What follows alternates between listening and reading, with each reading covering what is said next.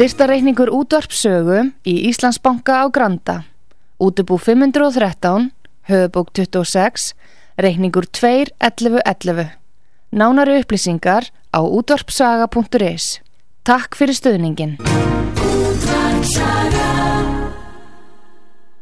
Heimsmálinn í umsjón Pétur Gunnlaugssonar. Fréttir og fréttatengt efni af Erlendum Vettvangi.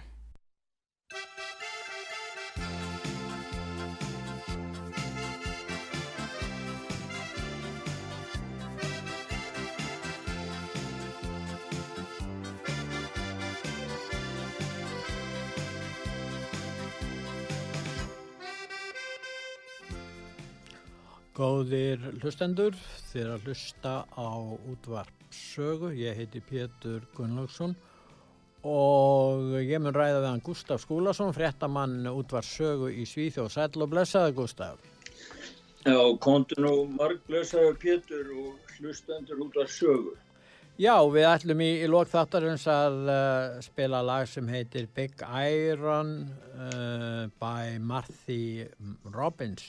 Nú, já, við skulum, við skulum heyra það í lokin, en uh, við ætlum nú að byrja á þeirri, á ákalli hérna erkibiskupsins Carlo Maria Vigano sem að er að hvetja fólk til að saminast í alþjóða bandalagi gegn globalismannum og frelsun mankinsins undan einræðistjórn enduræsingarinnar miklu. Þetta er, er merkilegu maður, hann Carlo Maria Vigano. Ef ekki að hlusta á hvað hann hefur að segja um þetta.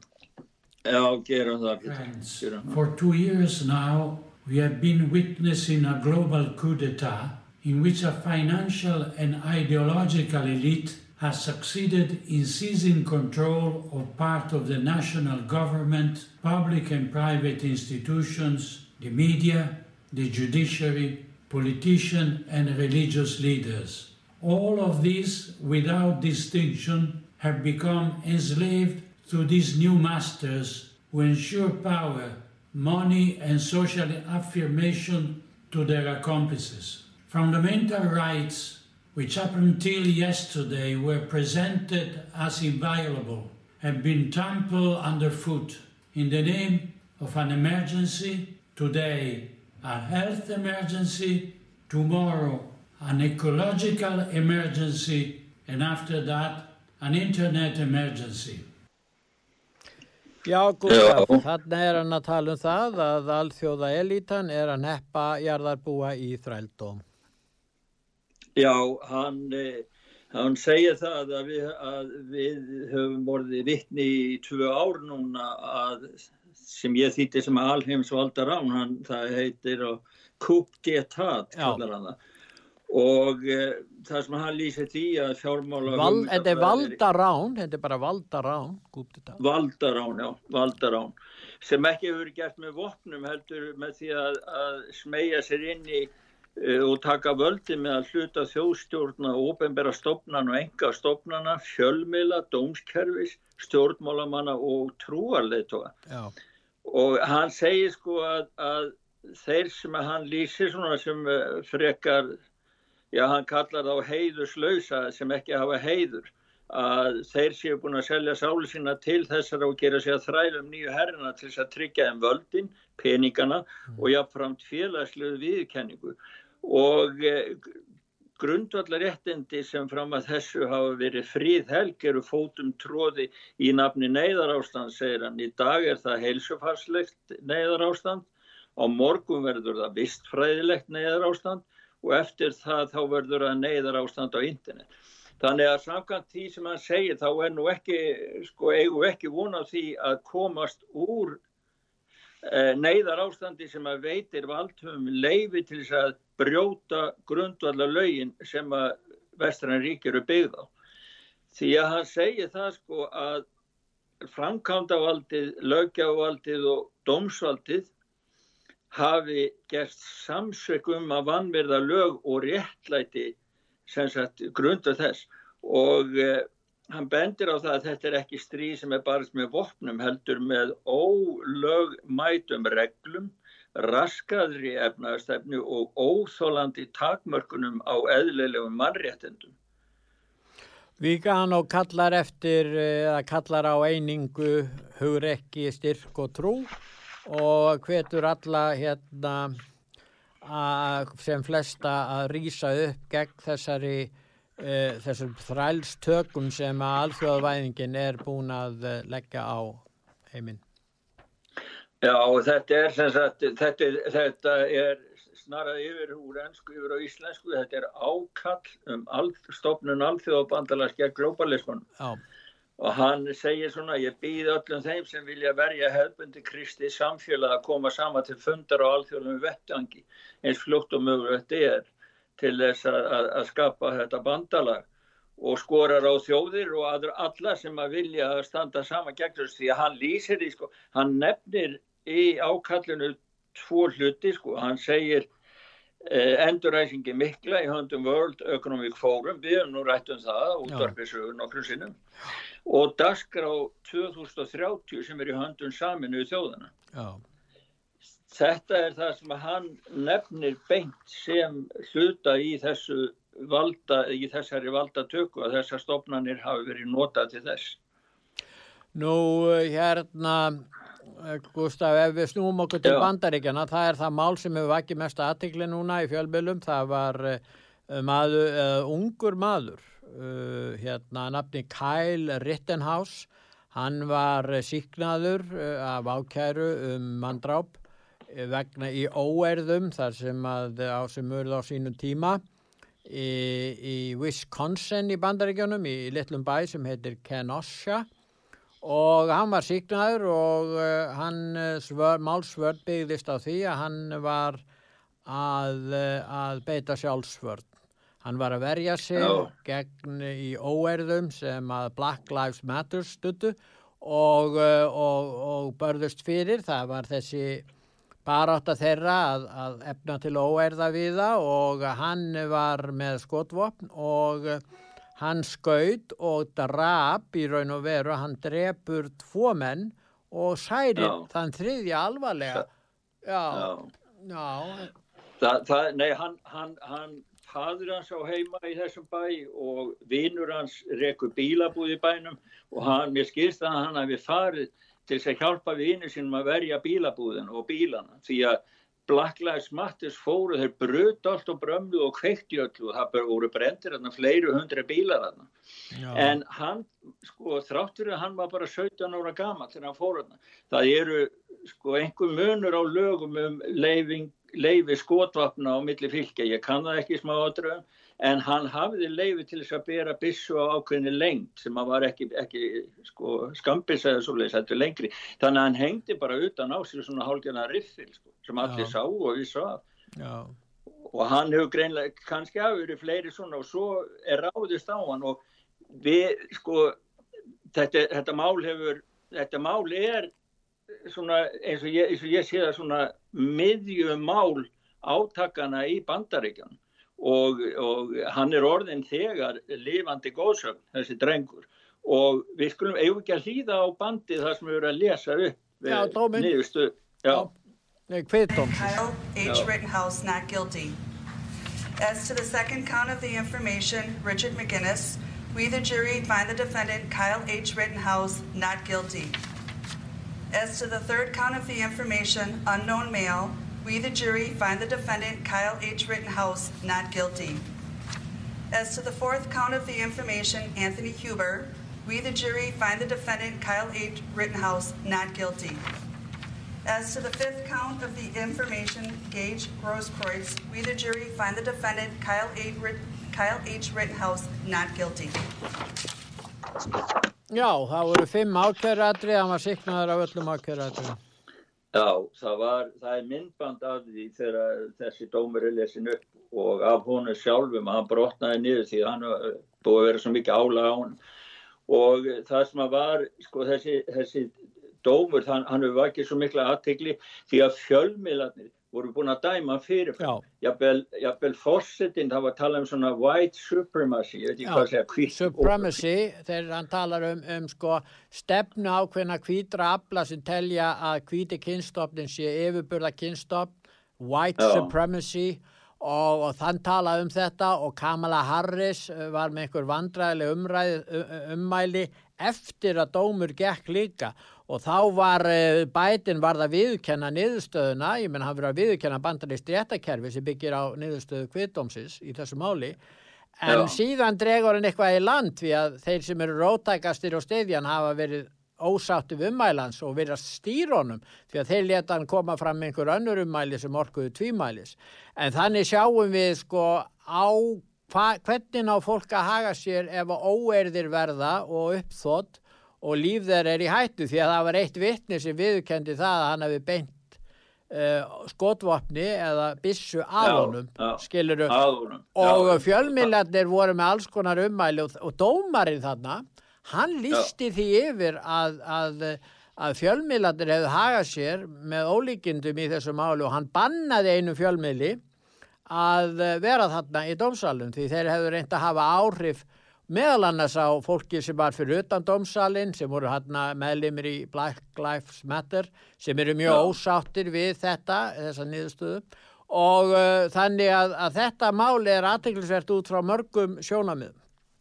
Já, það er það og það, það er náttúrulega algjörlega gróft. Ég setti nú my- mynd þarna inn og ég, það er þekktur teiknar í bandareikjanum og hann lýsir í þannig sko að það stendur stór hendi fyrir aftan, eh, aftan hérna kæl og með svona mynd, myndavél og, og hljóðnema sem er takk fyrir fjölmiðlan og þar stóð segur því að fjölmiðlarnir hafa allir tekið hlýð anstæðingana, Black Lives Matter og þeir, hann var bara búið að dæma hann fyrirfram sekan og þeir reyndu að hafa áhrif á kviðdómin. Þannig að þessi dómur þetta er uppreist fyrir hja- hjarta og sál bandaríkjana finnst mér.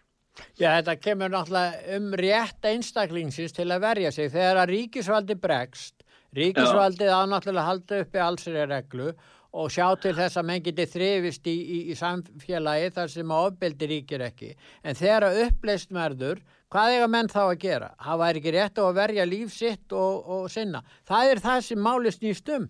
Það er Já. sko umfang, eða hvaða, hvað, hvaða merkingu menn leggja í hugtæki sjálfsvörn eða Já. nöfvörn.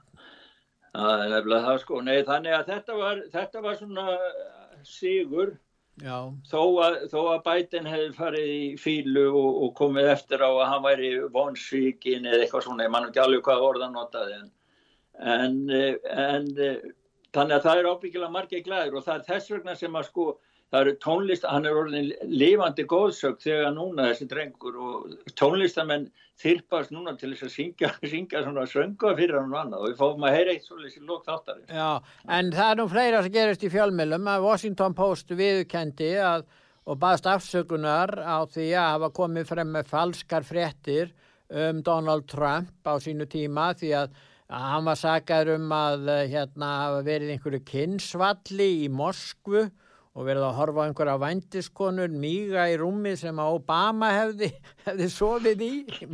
Þetta er alveg, með ólíkindum. En það var allt saman lígi þannig að, en það var merkilega nákvæm, New York Times þeir fengu Púlister uh, verðlaunin fyrir þessa legafrétt, þetta er svolítið sérkjönlega.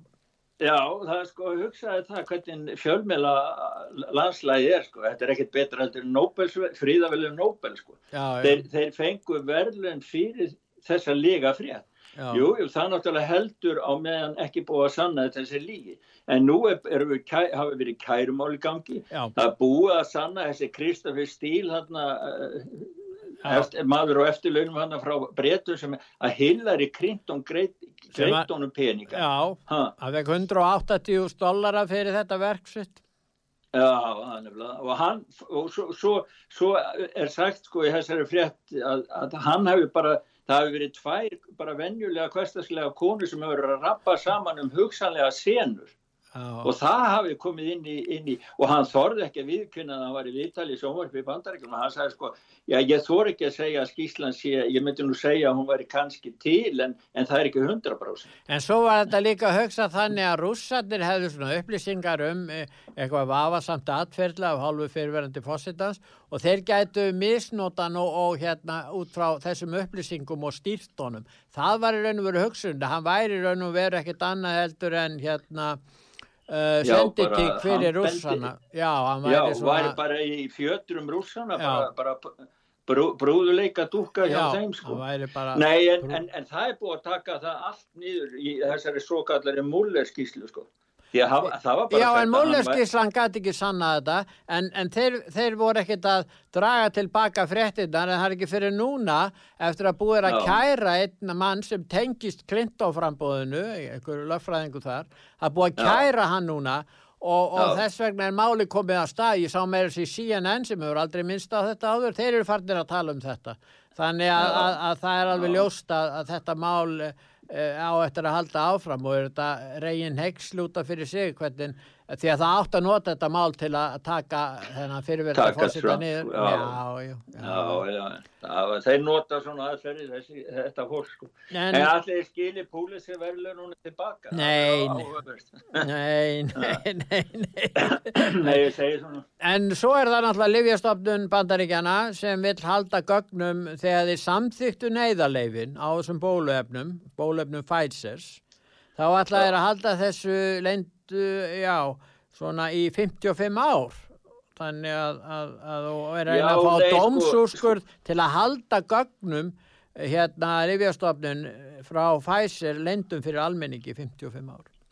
Já, sko þeir sögðu lofuðu því núna síðast í ágúst að, að hafa fullkomi gegnsæni og sína þessi gögn sem að náðu til grundvalda því að þeir ákvaðu að veita Pfizer leifi fyrir bólefnum Þetta eru er 326.000 blaðsýður. Þetta Já. er ekki neinn lítil bók sko. Nei. En núna allt í hennu hefur þeim snúist hugur og þeir eru búin að sækja, hafa lagt inn umsögnum það hjá allríki stómara að fá dæmti sín að þeir þurfu ekki að afhenda nema 500 blaðsýður á mánuði og það tekur 55 ár. Og ástæðan fyrir því var svo að það var lögfræðingur sem að krafiðist þess aðeins, það er einhver, einhver lög í bandaríkunum um það að maður geti krafist þess að fá gögg frá ofinbörum aðlum og þá fór, er þetta þeirra svar. 500 síður á mánu þeir eru búin að afhenda 91 síðu og það voru ekki með einhverjum upplýsingum um aukaverkan og annað sem var ekki svo fallet sko. Já. Þeir fá sko á, eftir 55 ár Pétur þá eru, þá eru margi dánir sem gætu aftur rétt á kröfu Já. á hendur rétt. hendur hérna Lífjárstofnunni og bandarískum ríkinu því ekki er neina hægt að beina, neina kröfu til fæsir. Nei, það er búið að skrifa undir skadaleysis ákvæði hvert fæsir. Þannig fæsir það er ekki að hafa áhyggjur á neinum bótakröfun.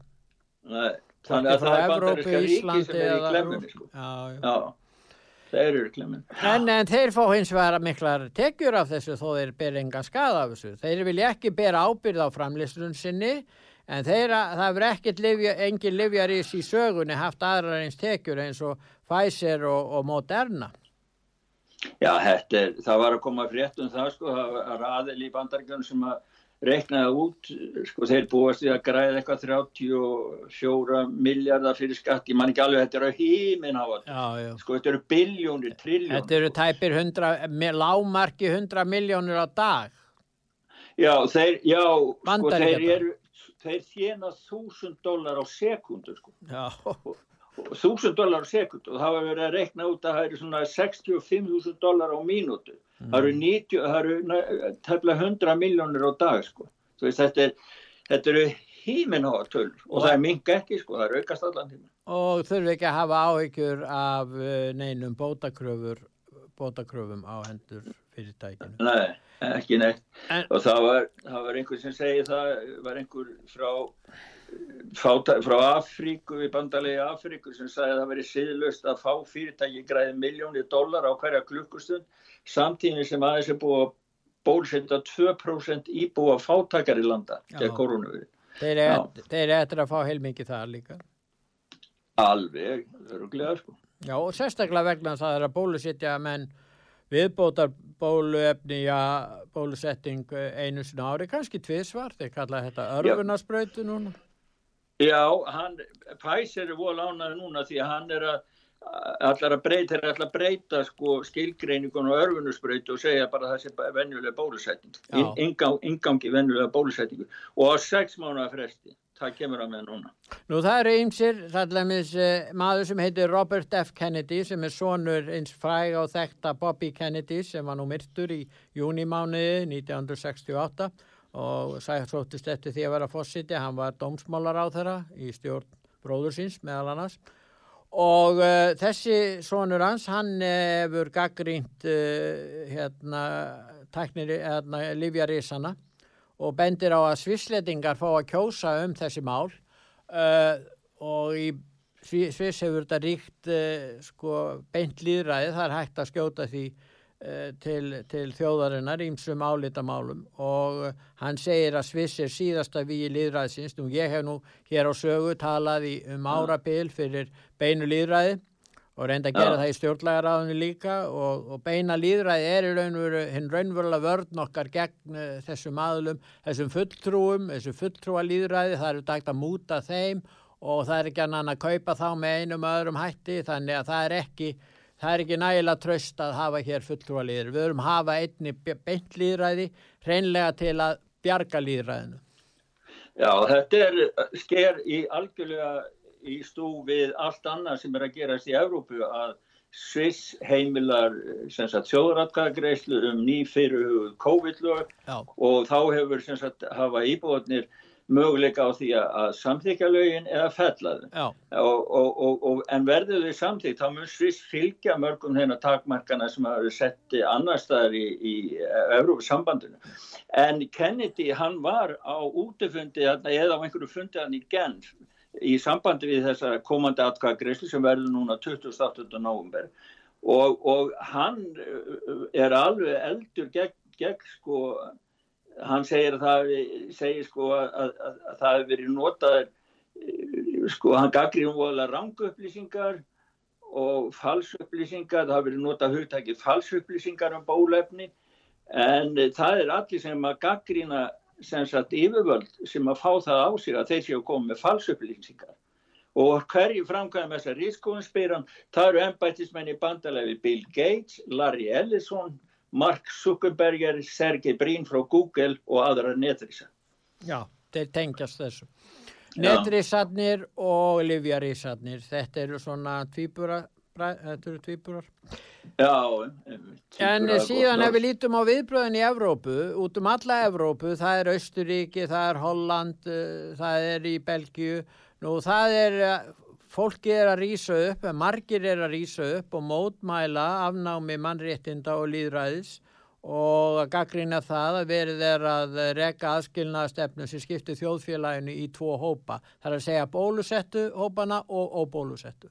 Og eigum að hlusta á hljóðbútið mitt sem að það sem kemur fram þessi. Mjög stuttu hljóðbútur með einu manni í Hollandi og svo öðrum í Zagreb í Kroasi. Já. This policy makes a lot of conflicts between the people. It makes a lot of war on the micro and the macro uh, level. Došao sam se boriti protiv totalitarizma i došao sam se boriti protiv ovih suludih mjera i suludih političara. Já, kannski erfitt að skilja hann hann í Krósi en hann, hann lísti því að þeir væri að sapna saman hann til þess að mótmala alræðis og Já. sko amnámi líðræðis Já. og alræðis þú í bólefnasetningunum og hinn sem var hann í í Hollandi, hann var, hann var mjög á mótu því, hann taldi þetta vera, þetta var eldri maður og hann sagði það sko, það er verið að koma stað stríði á milli venjulegs, okkar venjulegs fólks með því að vera að skipta okkur upp í svona tvo hópa, sagðan. En austuríkismenn hafa gengið lengst, þeir ætla að eh, skilda að skilda fólk í bólusetningu núna 1. februar og næsta ári, eða í februar og næsta ári og núna er þeir búinir að takmarka réttindi þeirra sem eru óbólusettir og þeir eru ákveðnir í þessu og svo setja jáfnframt á útgöngu bann. Já, þetta er, sko, þeir, þeir ætla að taka upp, þetta er alveg skelvilegt, þeir ætla að taka upp lög setja skildu á að bólusetja sig. Já. Þannig að mað, ef maður neytar að bólusetja sig þá gerist maður lögbrjótur og ég veit ekki, þeir er ábygglega, þeir verða með refsingu, það er talað um sektir og fangels. En ætla er ekki að beita því, þeir ætla ekki að nota lögluna til að taka fólk með valdi og bólusetja það. Já, það, það verður fróðlegt að fylgjast með því hvernig þeir, hva- hvað er framfylgja en þeir eru með einar hörkulegust aðgerðir í allri Evrópu sko.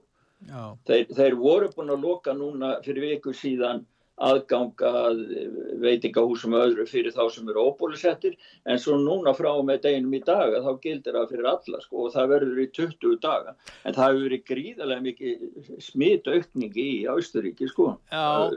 En það eru mótmæli um hérna í Európa og löglan tekur mjög hart á móti. Löglumenn eru í átökum við mótmælendur og menn hafa verið sko, er í Hollandi, hafa tveir verið skotnir og, eh, 50 og margir handteknir og eh, Já, að tala um 70 manns, yfir 70 manns voru handtekni sko, því að, því að það var þannig sko, það var svo mikið ofbeldi þarna, ég held að það hafi verið förstaskvöldið, eða Já. hvort það voru á lögadaginn, ég man ekki alveg, en það var svo mikið þannig í Rotterdam að þeir sem að voru skipilöðu mótmælinn, þeir afréðu öllum frá því að mótmæla daginn eftir, en það var ekki hlusta á það, mótmælinn heldur áfram og það var mótmælt í mörgum borgum í Hollandi, þeir eru mjög illir. Og við sett, það eru myndband af þessu, það er yfirlítið um þetta, það eru myndband af þessu og á einu myndbandana kemur fram, það er svolítið skrítið að horfa á sko, það er lörgbíl sem er eldað þrjá unga menn og króar það af upp í hotnum svo bara stekkur lögreglumæðurinn út í bílnum og flýgur á og kýlir eitt drengjana beint í andliti sko.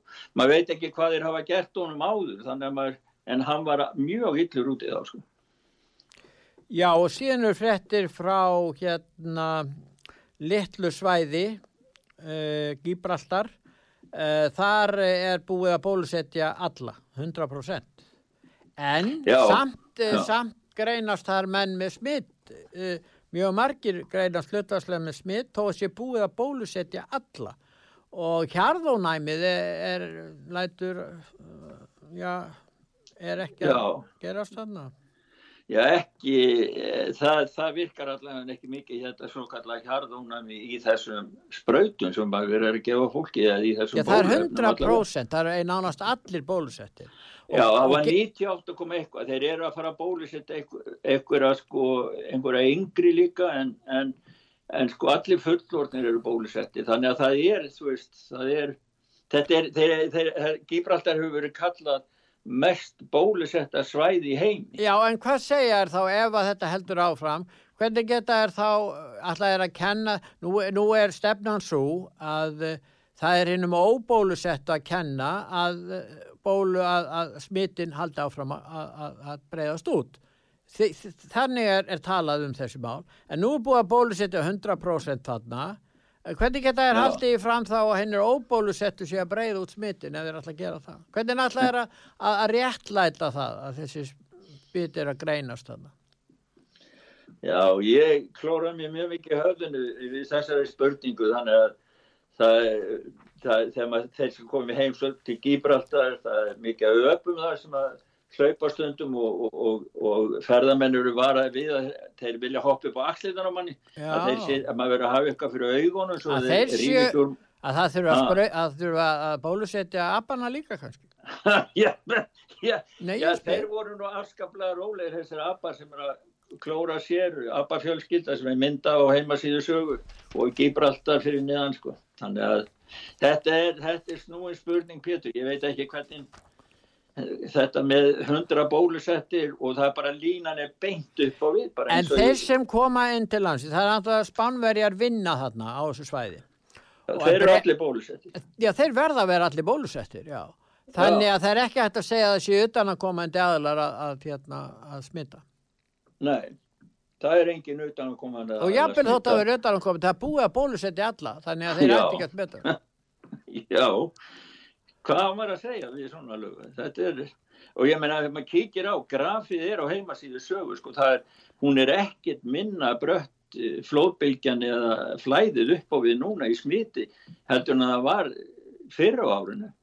Nei, Þannig það að hefur aldrei verið meira, meira smitt í gangi að greinast en einmitt núna.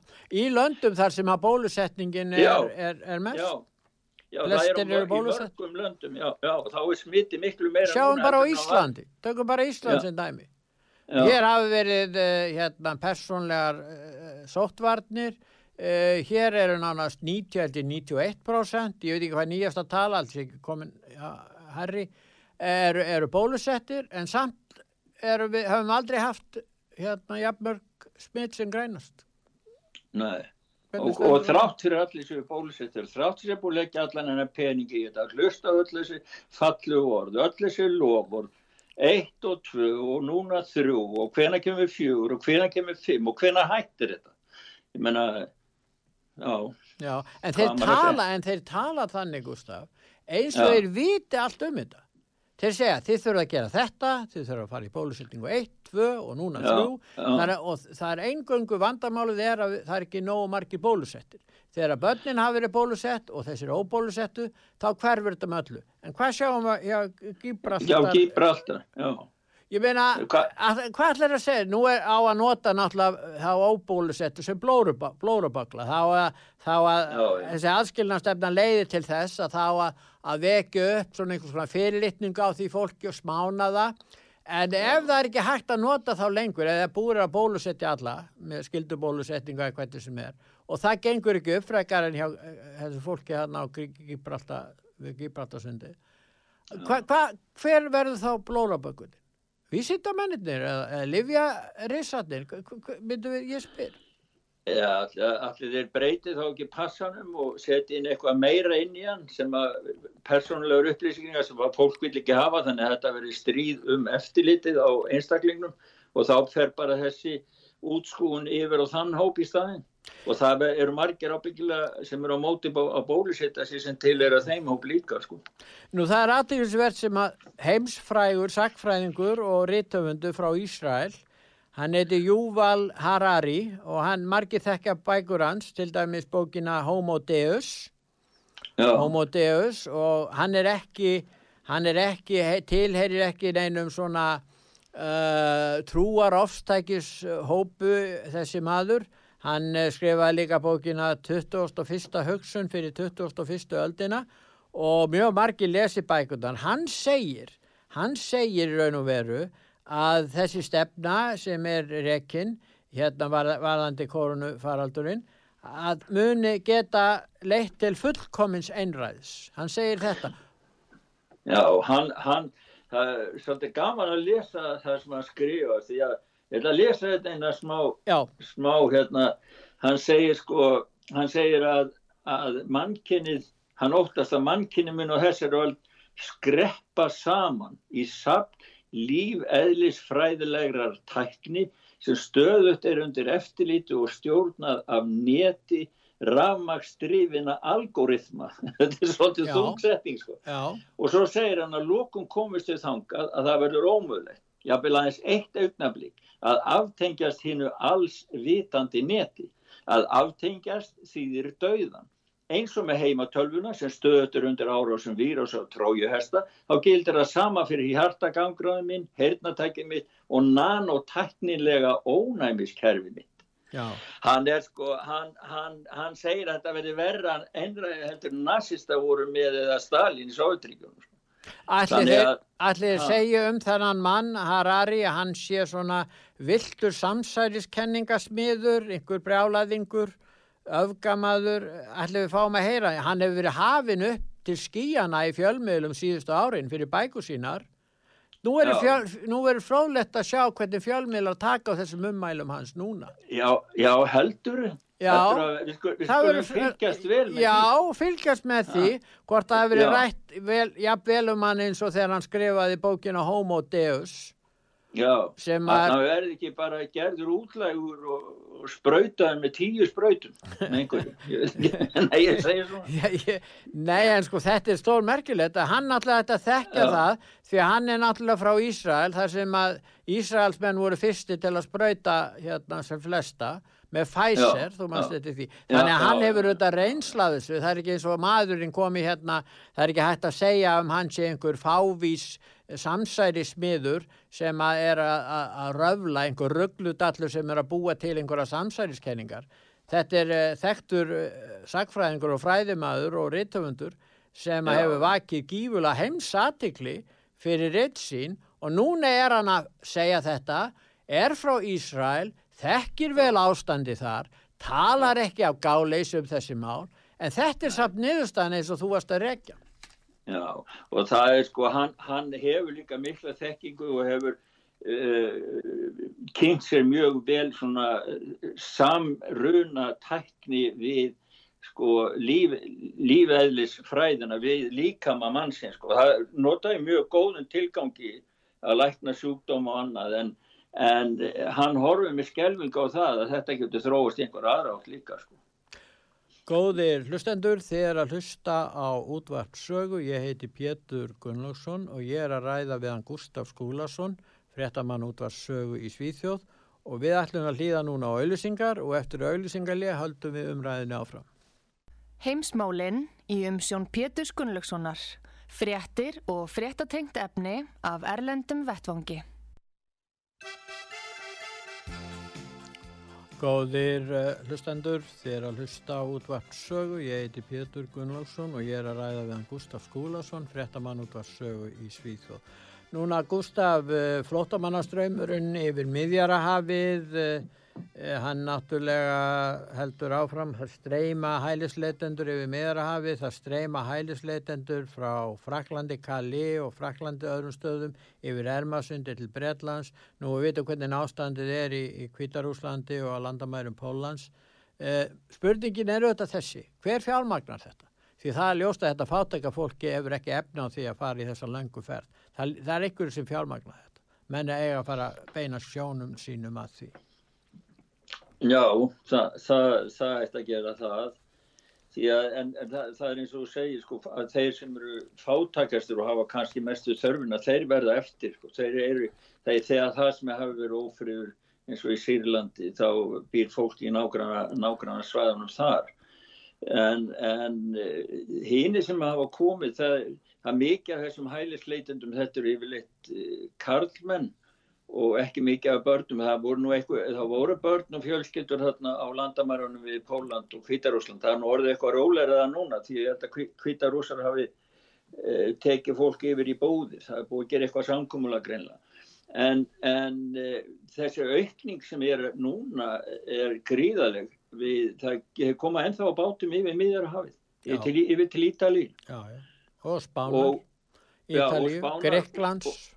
Og, tilkinnir eru órálegir þeir senda fólki yfir til Greiklands og það eru bara átök á landamælun Já og svo er Nikael Fares hann hefur svolítið auga á yfir, yfir Ermasund sko og Já. hann talar um það eru tíst á heimasíðu sögu frá honum þar sem hann telur þúsund í dag, tvöhúsn í gær og svo framvegir skilur Já, Þannig þeir kenna, veistu hverju, þeir sem er að styðja umflytjendur og voru á móti Brexit, þeir sé til Brexit að kenna, því að Nigel Farage hafi lofað því að þessu myndi hætta þessum umflytningi og þá, þá er sökinni varpað yfir og hann, hann á að ganga um sakbítina því að hafa stutt Brexit, það er merkilegt. Já, það er allt, það er fundið upp á öllu sko, það er allt notað. Já, maður segja það. Hann, hann vil stoppa þetta sko. Já, hann vil stoppa þetta. þetta. Já, já. og en það, er, en það, er, það eru öll sem að halda áfram allan tíman og þetta kostar peninga og eins og við rættum um síðan sko að ég menna þeir flytja suma komi í enga þvottum að sækja suma sko og þeir búið á hótelum. Það, það hýttur að vera mjög efna hór sko. Þannig að þetta, Já, þetta, efnaði, þetta, er, fólk, þetta er mjög einkennlegt allt saman og það er svo skrítið að það skulle ekki vera neitt rannsaka hvernig það þau stendur. Nú hefur búið að koma svo margið, það lítur að að yfirheyra þetta fólk. Já, það er eins og sé ekki vilji fyrir Nei, það bara, það bara Já. flóttamaður og, og þá bara gjör svo vel fritt húsnæði uh, og, og bara, já, fá allt fritt. Já, já. En uh, nú er það en Európusambandið og þeir vilji hérna hleypa eða eins upp þar vilja hleypa flestum hælisleitendum inn í Európu. þá vil ég að banna innflutning á nautakjöti, timbri, kaffi, kakó og pálmálíu og, og fleiri soja og gummi og það er lagafrumvarp eða tillögur, nýja lagatillögur sem að Evrópusambandi er með á borðinu hjá sér og verður ja. verður þetta veruleika eða hvað, hvað segir þú? Já, ég bara, það, sko, það, ef maður væri með orðið með eitthvað hár eftir á höfðinu þá getur maður sagt að þetta er hár úr höfðinu. Nei, ég meina, hvað hva meina þér eiginlega með þessu? Þe, Já, þetta er alls nei, saman ég meina laus. að þeir, þeir eru konið með nýja skilgreiningu sem að þeir kalla skókseiðandi. Já, skókseiðandi. Þannig að vörur eins og, eins og þetta, eins og nautakjöt og timbur og kaffi, kakó, pálmólja, soja, gumi og mæs sem er framleitt í löndum fyrir utan Evropasambandi, það er náttúrulega allt saman skókseiðandi. Já. Síðan skipta löndunum upp í sko hættulega mikið skókseiðandi, meðal skókseiðandi og svo minna skókseiðandi. Og síðan verður sko þeim sem eru frá háum skóksegandi löndum, þeir fá ekki að, að hérna, selja sína vörur. Og öll fyrirtæki sem að flytja en vörur í Európa-sambandi frá skóksegandi löndum, þeir verða að hafa halda fullkomna skrá yfir hvaðan er kaupa fyrirtækin, hverji vörurnar, hver, hverji kaupa vörurnar aðeins í fimm ár, svo eftirlitsmenn Európa-sambandsins getur komið að gert úttök úttækt og gengur skuggum að sé ekki verið að svindla og selja skókseiðandi vörur. Þetta verður fjölmennasta atvinnugrein í Evrópi ef ekki nú þegar, það er að segja eftirlitskerfið. Þar fá menn Já, á öllum sviðum, það er ljóst, það, það þarf að stór fjölga í eftirlitskerfinu. það þarf að gera það og svo er náttúrulega að stórhækka verðið af öllum vörum í Evropasambandi Já, til þess að annars allan hennan auka kosta. Já, já, og síðan verður alltaf myndi samkeppni þannig að verðhækkanir verða óhjákvæmlega þegar einogunar innflutningsaðilar geta nýtt sér þetta ástand. Já, og svo er maður með þessu búin að stugga frá öllum bændum í fátækuru löndum Já. sem að senda kannski kaffibönnir, Brasilia og, og, Já, og kjöt já, já. Ég, ég kaupa oft lambakjöt hérna í, í Stokkólum. En hugsaði þér hestina, hugsaði þér hestina, þeir eru raun og vera að koma í vekk fyrir það að fátækir bændur í Afríku og eins og segir, Suður Ameríku, geti Já. selt sína vörur, en jáfnframt segja þér við það, en við getum þeir getið komið hingað og búið hér og, og, og fengið það sem þið viljið, skiluru. Já, alltaf ekki Þetta er ó- þetta er ótrúlegt. Ég meina, með því að- eiðileggja viðskiptasambönd við þessi ríki, þá er þeir að kalla fram meiri innflytjendaströym. Fólkið er að flýja að svæðin vegna þess að lífskjörin er svo léleg þarna og þetta Já. grefur algjörlega undan því með þess svona stefna í viðskiptamálum í staðan fyrir að auka frjáls viðskipti við þessi svæði þá er þeir að draga úr því þar með að grafa undan lífskjörun sem eru nú þegar slæm á þessum svæðum og kalla fram þá meiri ströym af flottamönnum inn í Evrópu þar sem að þeir eiga sko að leggjast á evrópska kerfi sem Evrópa hefur ekkert mjög lengi efni á því að standa undir í raun og veru. Þetta, þetta finnst þeim sko vera meira hátt að stökk fram á við allt saman. Og þetta er náttúrulega gert að því að þeir eru að bjarga heiminum frá loftslagsdómsteginum sko. En það náttúrulega Þannig- kemur annar matur í staðan fyrir nautakjötið. Það er auðvitað farand engisbrettur sem að, nú getum við farið að geta skortýr, það er verið að tala um það, það er þessir hörðustu umhverfisvenda sinnar eða tala um lofslagsmengun, þeir segja nú verðum við að fara að geta skortýr, hætta að geta á það? jólamat Európa-sambassins á heimasíðu sögu og maturinn heitir Locusta migratoria og svo allir skortýra sérfræðingar sem kunna latinu vita hvað það er.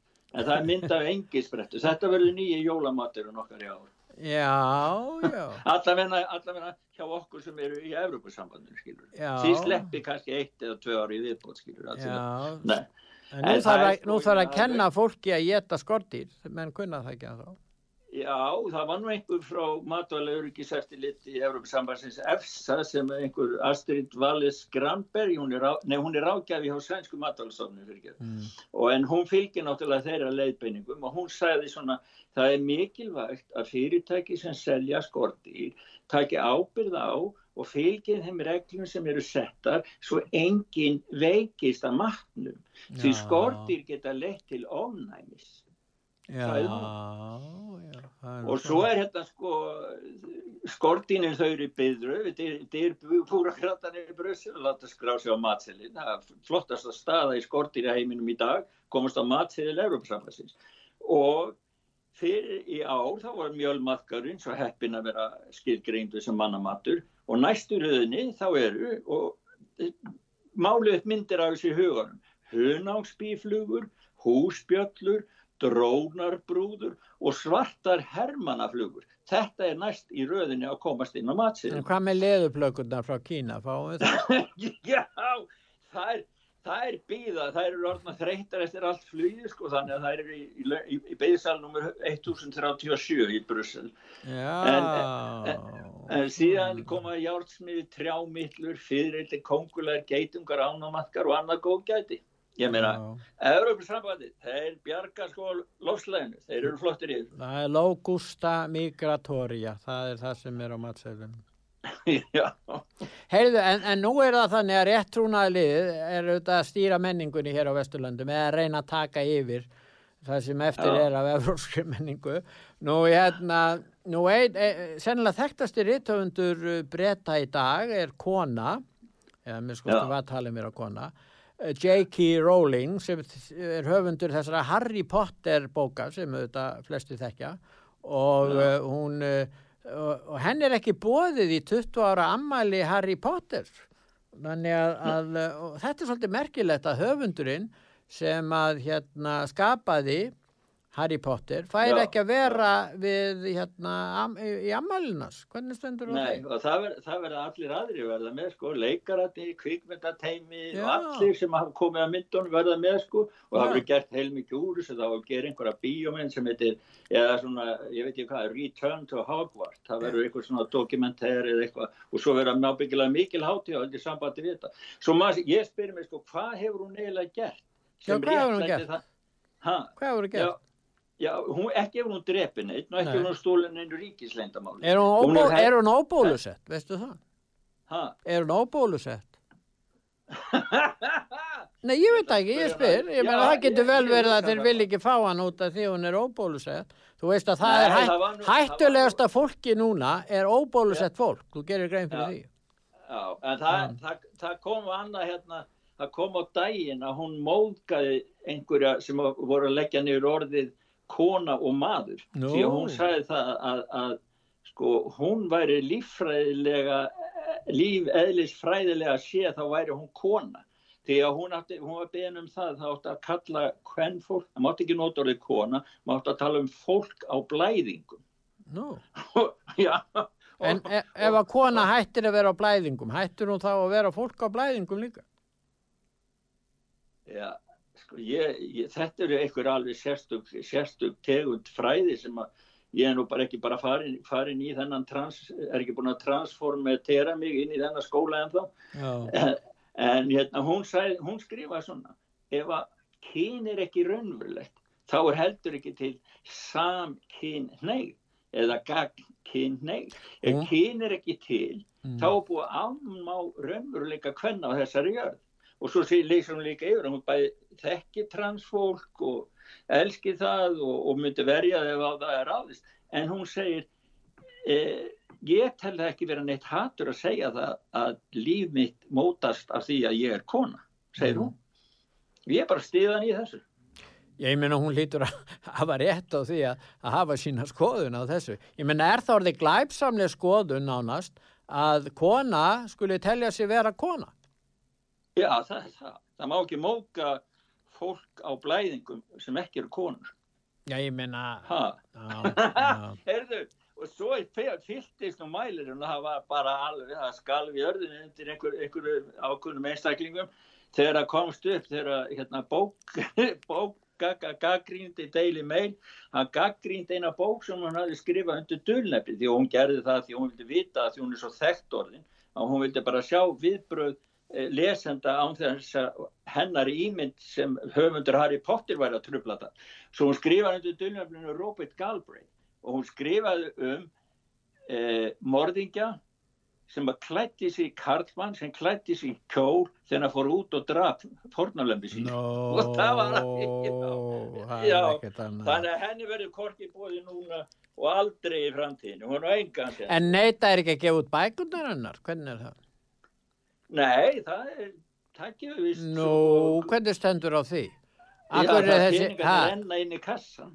Þannig að það, það er svo gott kassa mun ekki þessi, þessi réttrúnar menningarelita eh, sem er haldið þessu réttrúnaði, munu þeir ekki geta stýrt bókaútgáfunni eða hvernig er það? Já, greinilega eru þeir ekki nógu margi. Þeir eru miklu færri heldur en hini sem kaupa og borga fyrir bækur. Já, það er nú kannski það sem... En ef við förum til Svíþjóðar, þá var það nú löglumadur, þú talaði nú um á sínu tíma, Andreas Stanman sem var myrtur og Já. það var 17 ára drengur sem að eh, Sakari, hvað, Ali Ahmed, hann var dæmdur í 8 ár og þetta, Já. já, 8 ára fangilsi fyrir að drepa og myrða löglumann. Ég meina, það hafi verið komin út eftir hvað, 5 ára, jafnvel fyrr? Já, það, sko, þessi dómur fjall núna í vikunni Já. og hann hefur valdið miklum umræðum og það eru alveg frá sko gagkvæðum sínkóru sjónarhóttinu. Það finnst sumum að því að hann var 17 ára gammal þá hefði alls ekkit átt að dæma hann í fangilsi. Þetta var bara hræðilegt og auðmingja veselingspiltur eins og ungur þó hann hafi drefið lauruglumann. Hvaðan kemur hann uppalega, veistu það? Eh, við, Senegal var það ekki. Jú, það er rétt, það er rétt. Eitthvað Senegal, já. og, og hérna og hérna sko hann, hérna þá fær, hann fær að fara út eftir 2-3 hluta tíma sem eru rúm 5 ár þannig að Já. hann getur aldrei áfram að drepa og skjúta Þá er hann ekki nema 25 ára og allt lífi fyrir framöndan.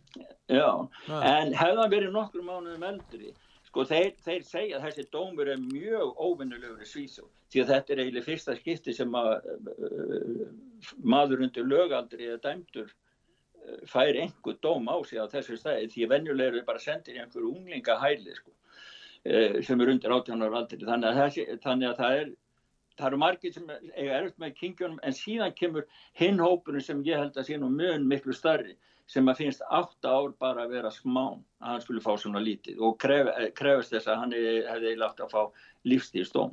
En þetta heldur áhrif vegna að það eru skotvöfn í höndum glæpamanna, byssubóvar, óáreittir, réttarkerfið, framfylgir ekki refsulögum, þannig að þetta var bara þetta að halda áfram, er það ekki? Jú, jú, það var eh, Kristir Axling hérna, yfirmaður rannsóknun og þetta gróður ábróta, hann var í viðtali hérna á sænska sjónvarpunum í vikunni og það kemur fram að, ég meina þetta er, það eru einungis, hlustaðu nú á þetta, þetta sem ég er að segja núna, þetta er staðurinn frá úr sænska réttaværskerfinu. Einungis 14% skotárása leiða til refsingarsangant lögum. Þeir ráð ekkert við þetta. Það er minna af, af þeim sem eru drefnir, af þeim skotarósan sem leiða til dráfs, þá er það bara, bara rúmlega 20% sem leiða til refsingar. Þannig ef, ef að sko, glæpamenn sem vilja fara út að drepa, þá hafa þeir 80, um 80% möguleika á því að komast undan refsingu og dómi svið þau þetta. Já. Þetta er alveg hræðilegt ástand sko. Þetta er alveg hræðilegt. Og svo er bara, það er verið að lýsa sko auk, auknum, það eru 1300 vopni gangi sem þeir vita um bara hérna í Stokkólmi sko. Þetta er alveg hræðilegt sko. En að börnin á leikskólanum, þau er að vísu búið að, að koma upp ákveðnum að, hérna, hæs, hræðsluskílum fyrir börnin, þannig að þau geta hlaupið í, í hræðsluskílinn þegar að skota ára sinnar hefjast. Hvað segir um það? Já, það, það, það er bara hérna í hverfinu við hliðinum, hérna í. Já, Það sem að, að verið er að, sko þau, fyrir að fyrsta þá verður að labba með litlu börnin í leikskólanum, þá verður að taka stóra sveig og ekki fara á staði það sem er búist við skotárusum og svo eru þau að þjálfa börn að hlaupa heim ef þau eru úti, koma inn, vera sögul og fara öll inn í hræðsluherbergið. Og það er herbergið það sem ekki eru lágu gluggari og svo er allir að líka á gólfinu og ekki láta í sér heyra. Þetta eru að þjálfa börn sem eru þryggja, fjara, fimm og sex ára og göm í Svíþjóðu í dag. Hver hefur trúa þess? Ég, bara, ég trúi allar mínu megin orðum þegar ég er að segja þetta. Sko. En þetta er skelvilegt. Þetta, þetta eru blöðum hérna, þetta eru fréttir hérna frá Svíþjóðu.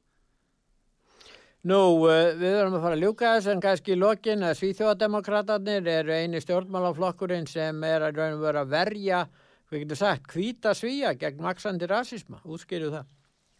Já, það var Svíþjóðdemokrata, þeir eru með eitthvað netverk á þinginu hérna, Ríkstæðin og þeir böðu inn þremur fórnalömpum erlendra þá inflytjenda sem að eru í, í, innan gæsalappa í stríði í Svíja Já. og þetta er stórt vaksandi vandamál í Svíðsjóð. Það er ráðist, það, það eru viss, frá vissri menningu inflytjendur sem að ráðast velja út sænsk fórnalömp og pína þá, þeir, það, það eru þessi niður lægingar án. Það sem að fólki láti kannski, það er af, láti afklæðast fyrir framann stóran hóp annara, það láti skrýða á, á kannski út í gardi eða, og kissa skóna, það láti sína sko að maður sé þræll og, og kissa og hín er ráða, sko. kissa skóna er að fætu þeirra. Þetta er útrás fyrir hatur auðljóslega. Hvað segir þau fyrir? Þetta er útrás fyrir hatur. Já, augljóslega. fyrir hatur, já. Já. Og það er það sko, og það voru þrýr menn sem að síþódemokrater endur til þeir byggðu inn þremur ungu drengur sem allir höfðu lent í og voru að segja frá eigin reynslu og það er svolítið Já. svakald að hlusta á sumt af því inn á þinginu, inn á þinginu í Svíþjóð engin flokkur af hinnu, engin fulltrúi af neinum öðrum stjórnmálaflokkum í Svíþjóð kom með á þetta hjá þeim, samt er þetta inni í sjálfu þinghúsinu hérna nýri Stokkunni og ein, að enginn skulle koma það er til mark, marksum það að þetta er ennþá svo viðkvæm það eru engið sem fremja glæpi hérna nema sko rasismi hann er bara gagvart inflytundur að inflytundur geta komið með svona þetta er eins og til dæmis gagvart geðingum annað, þetta hefur verið mjög mikið vandamálinu í Malmö og við Já. rættum það með sér að síðast sko, Já. hvernig það er kennarasambandi komið inn í þetta Já, og Geðingarnir eru hvítir, er það ekki? Það er, Já. Geðingar, jafna eru þeir yfirleitt. Já, heyrðu, við erum að fara að ljúka þessu, Gustaf, en við ætlum að heyra í tónlist svona í lokin.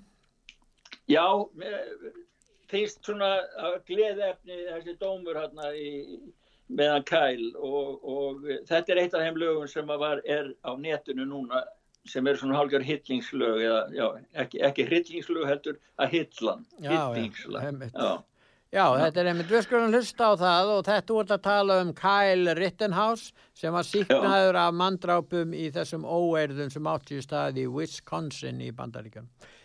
en Einmitt, við skulum hlusta á lagi, þakka ég fyrir Gustaf. já, þakka þessum leiðis og hvað til hlustenda. Já, verið þið sæl. Takk fyrir.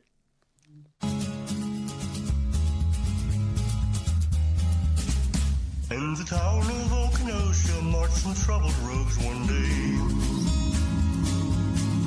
Hammers high above their heads and looking for a fray.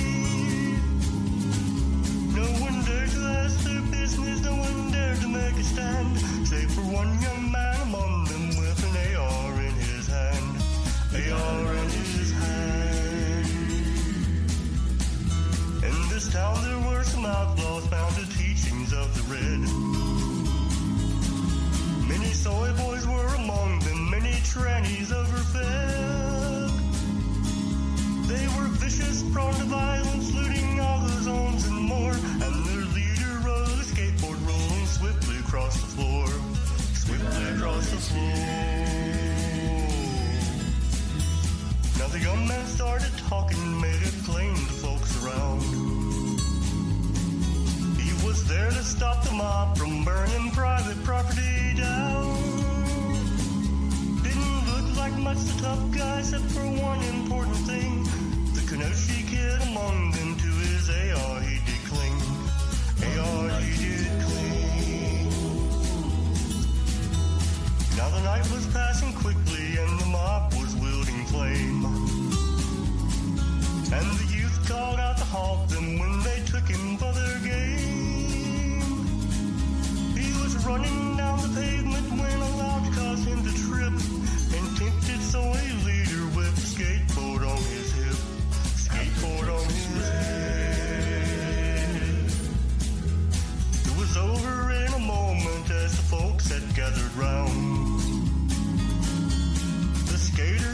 rifle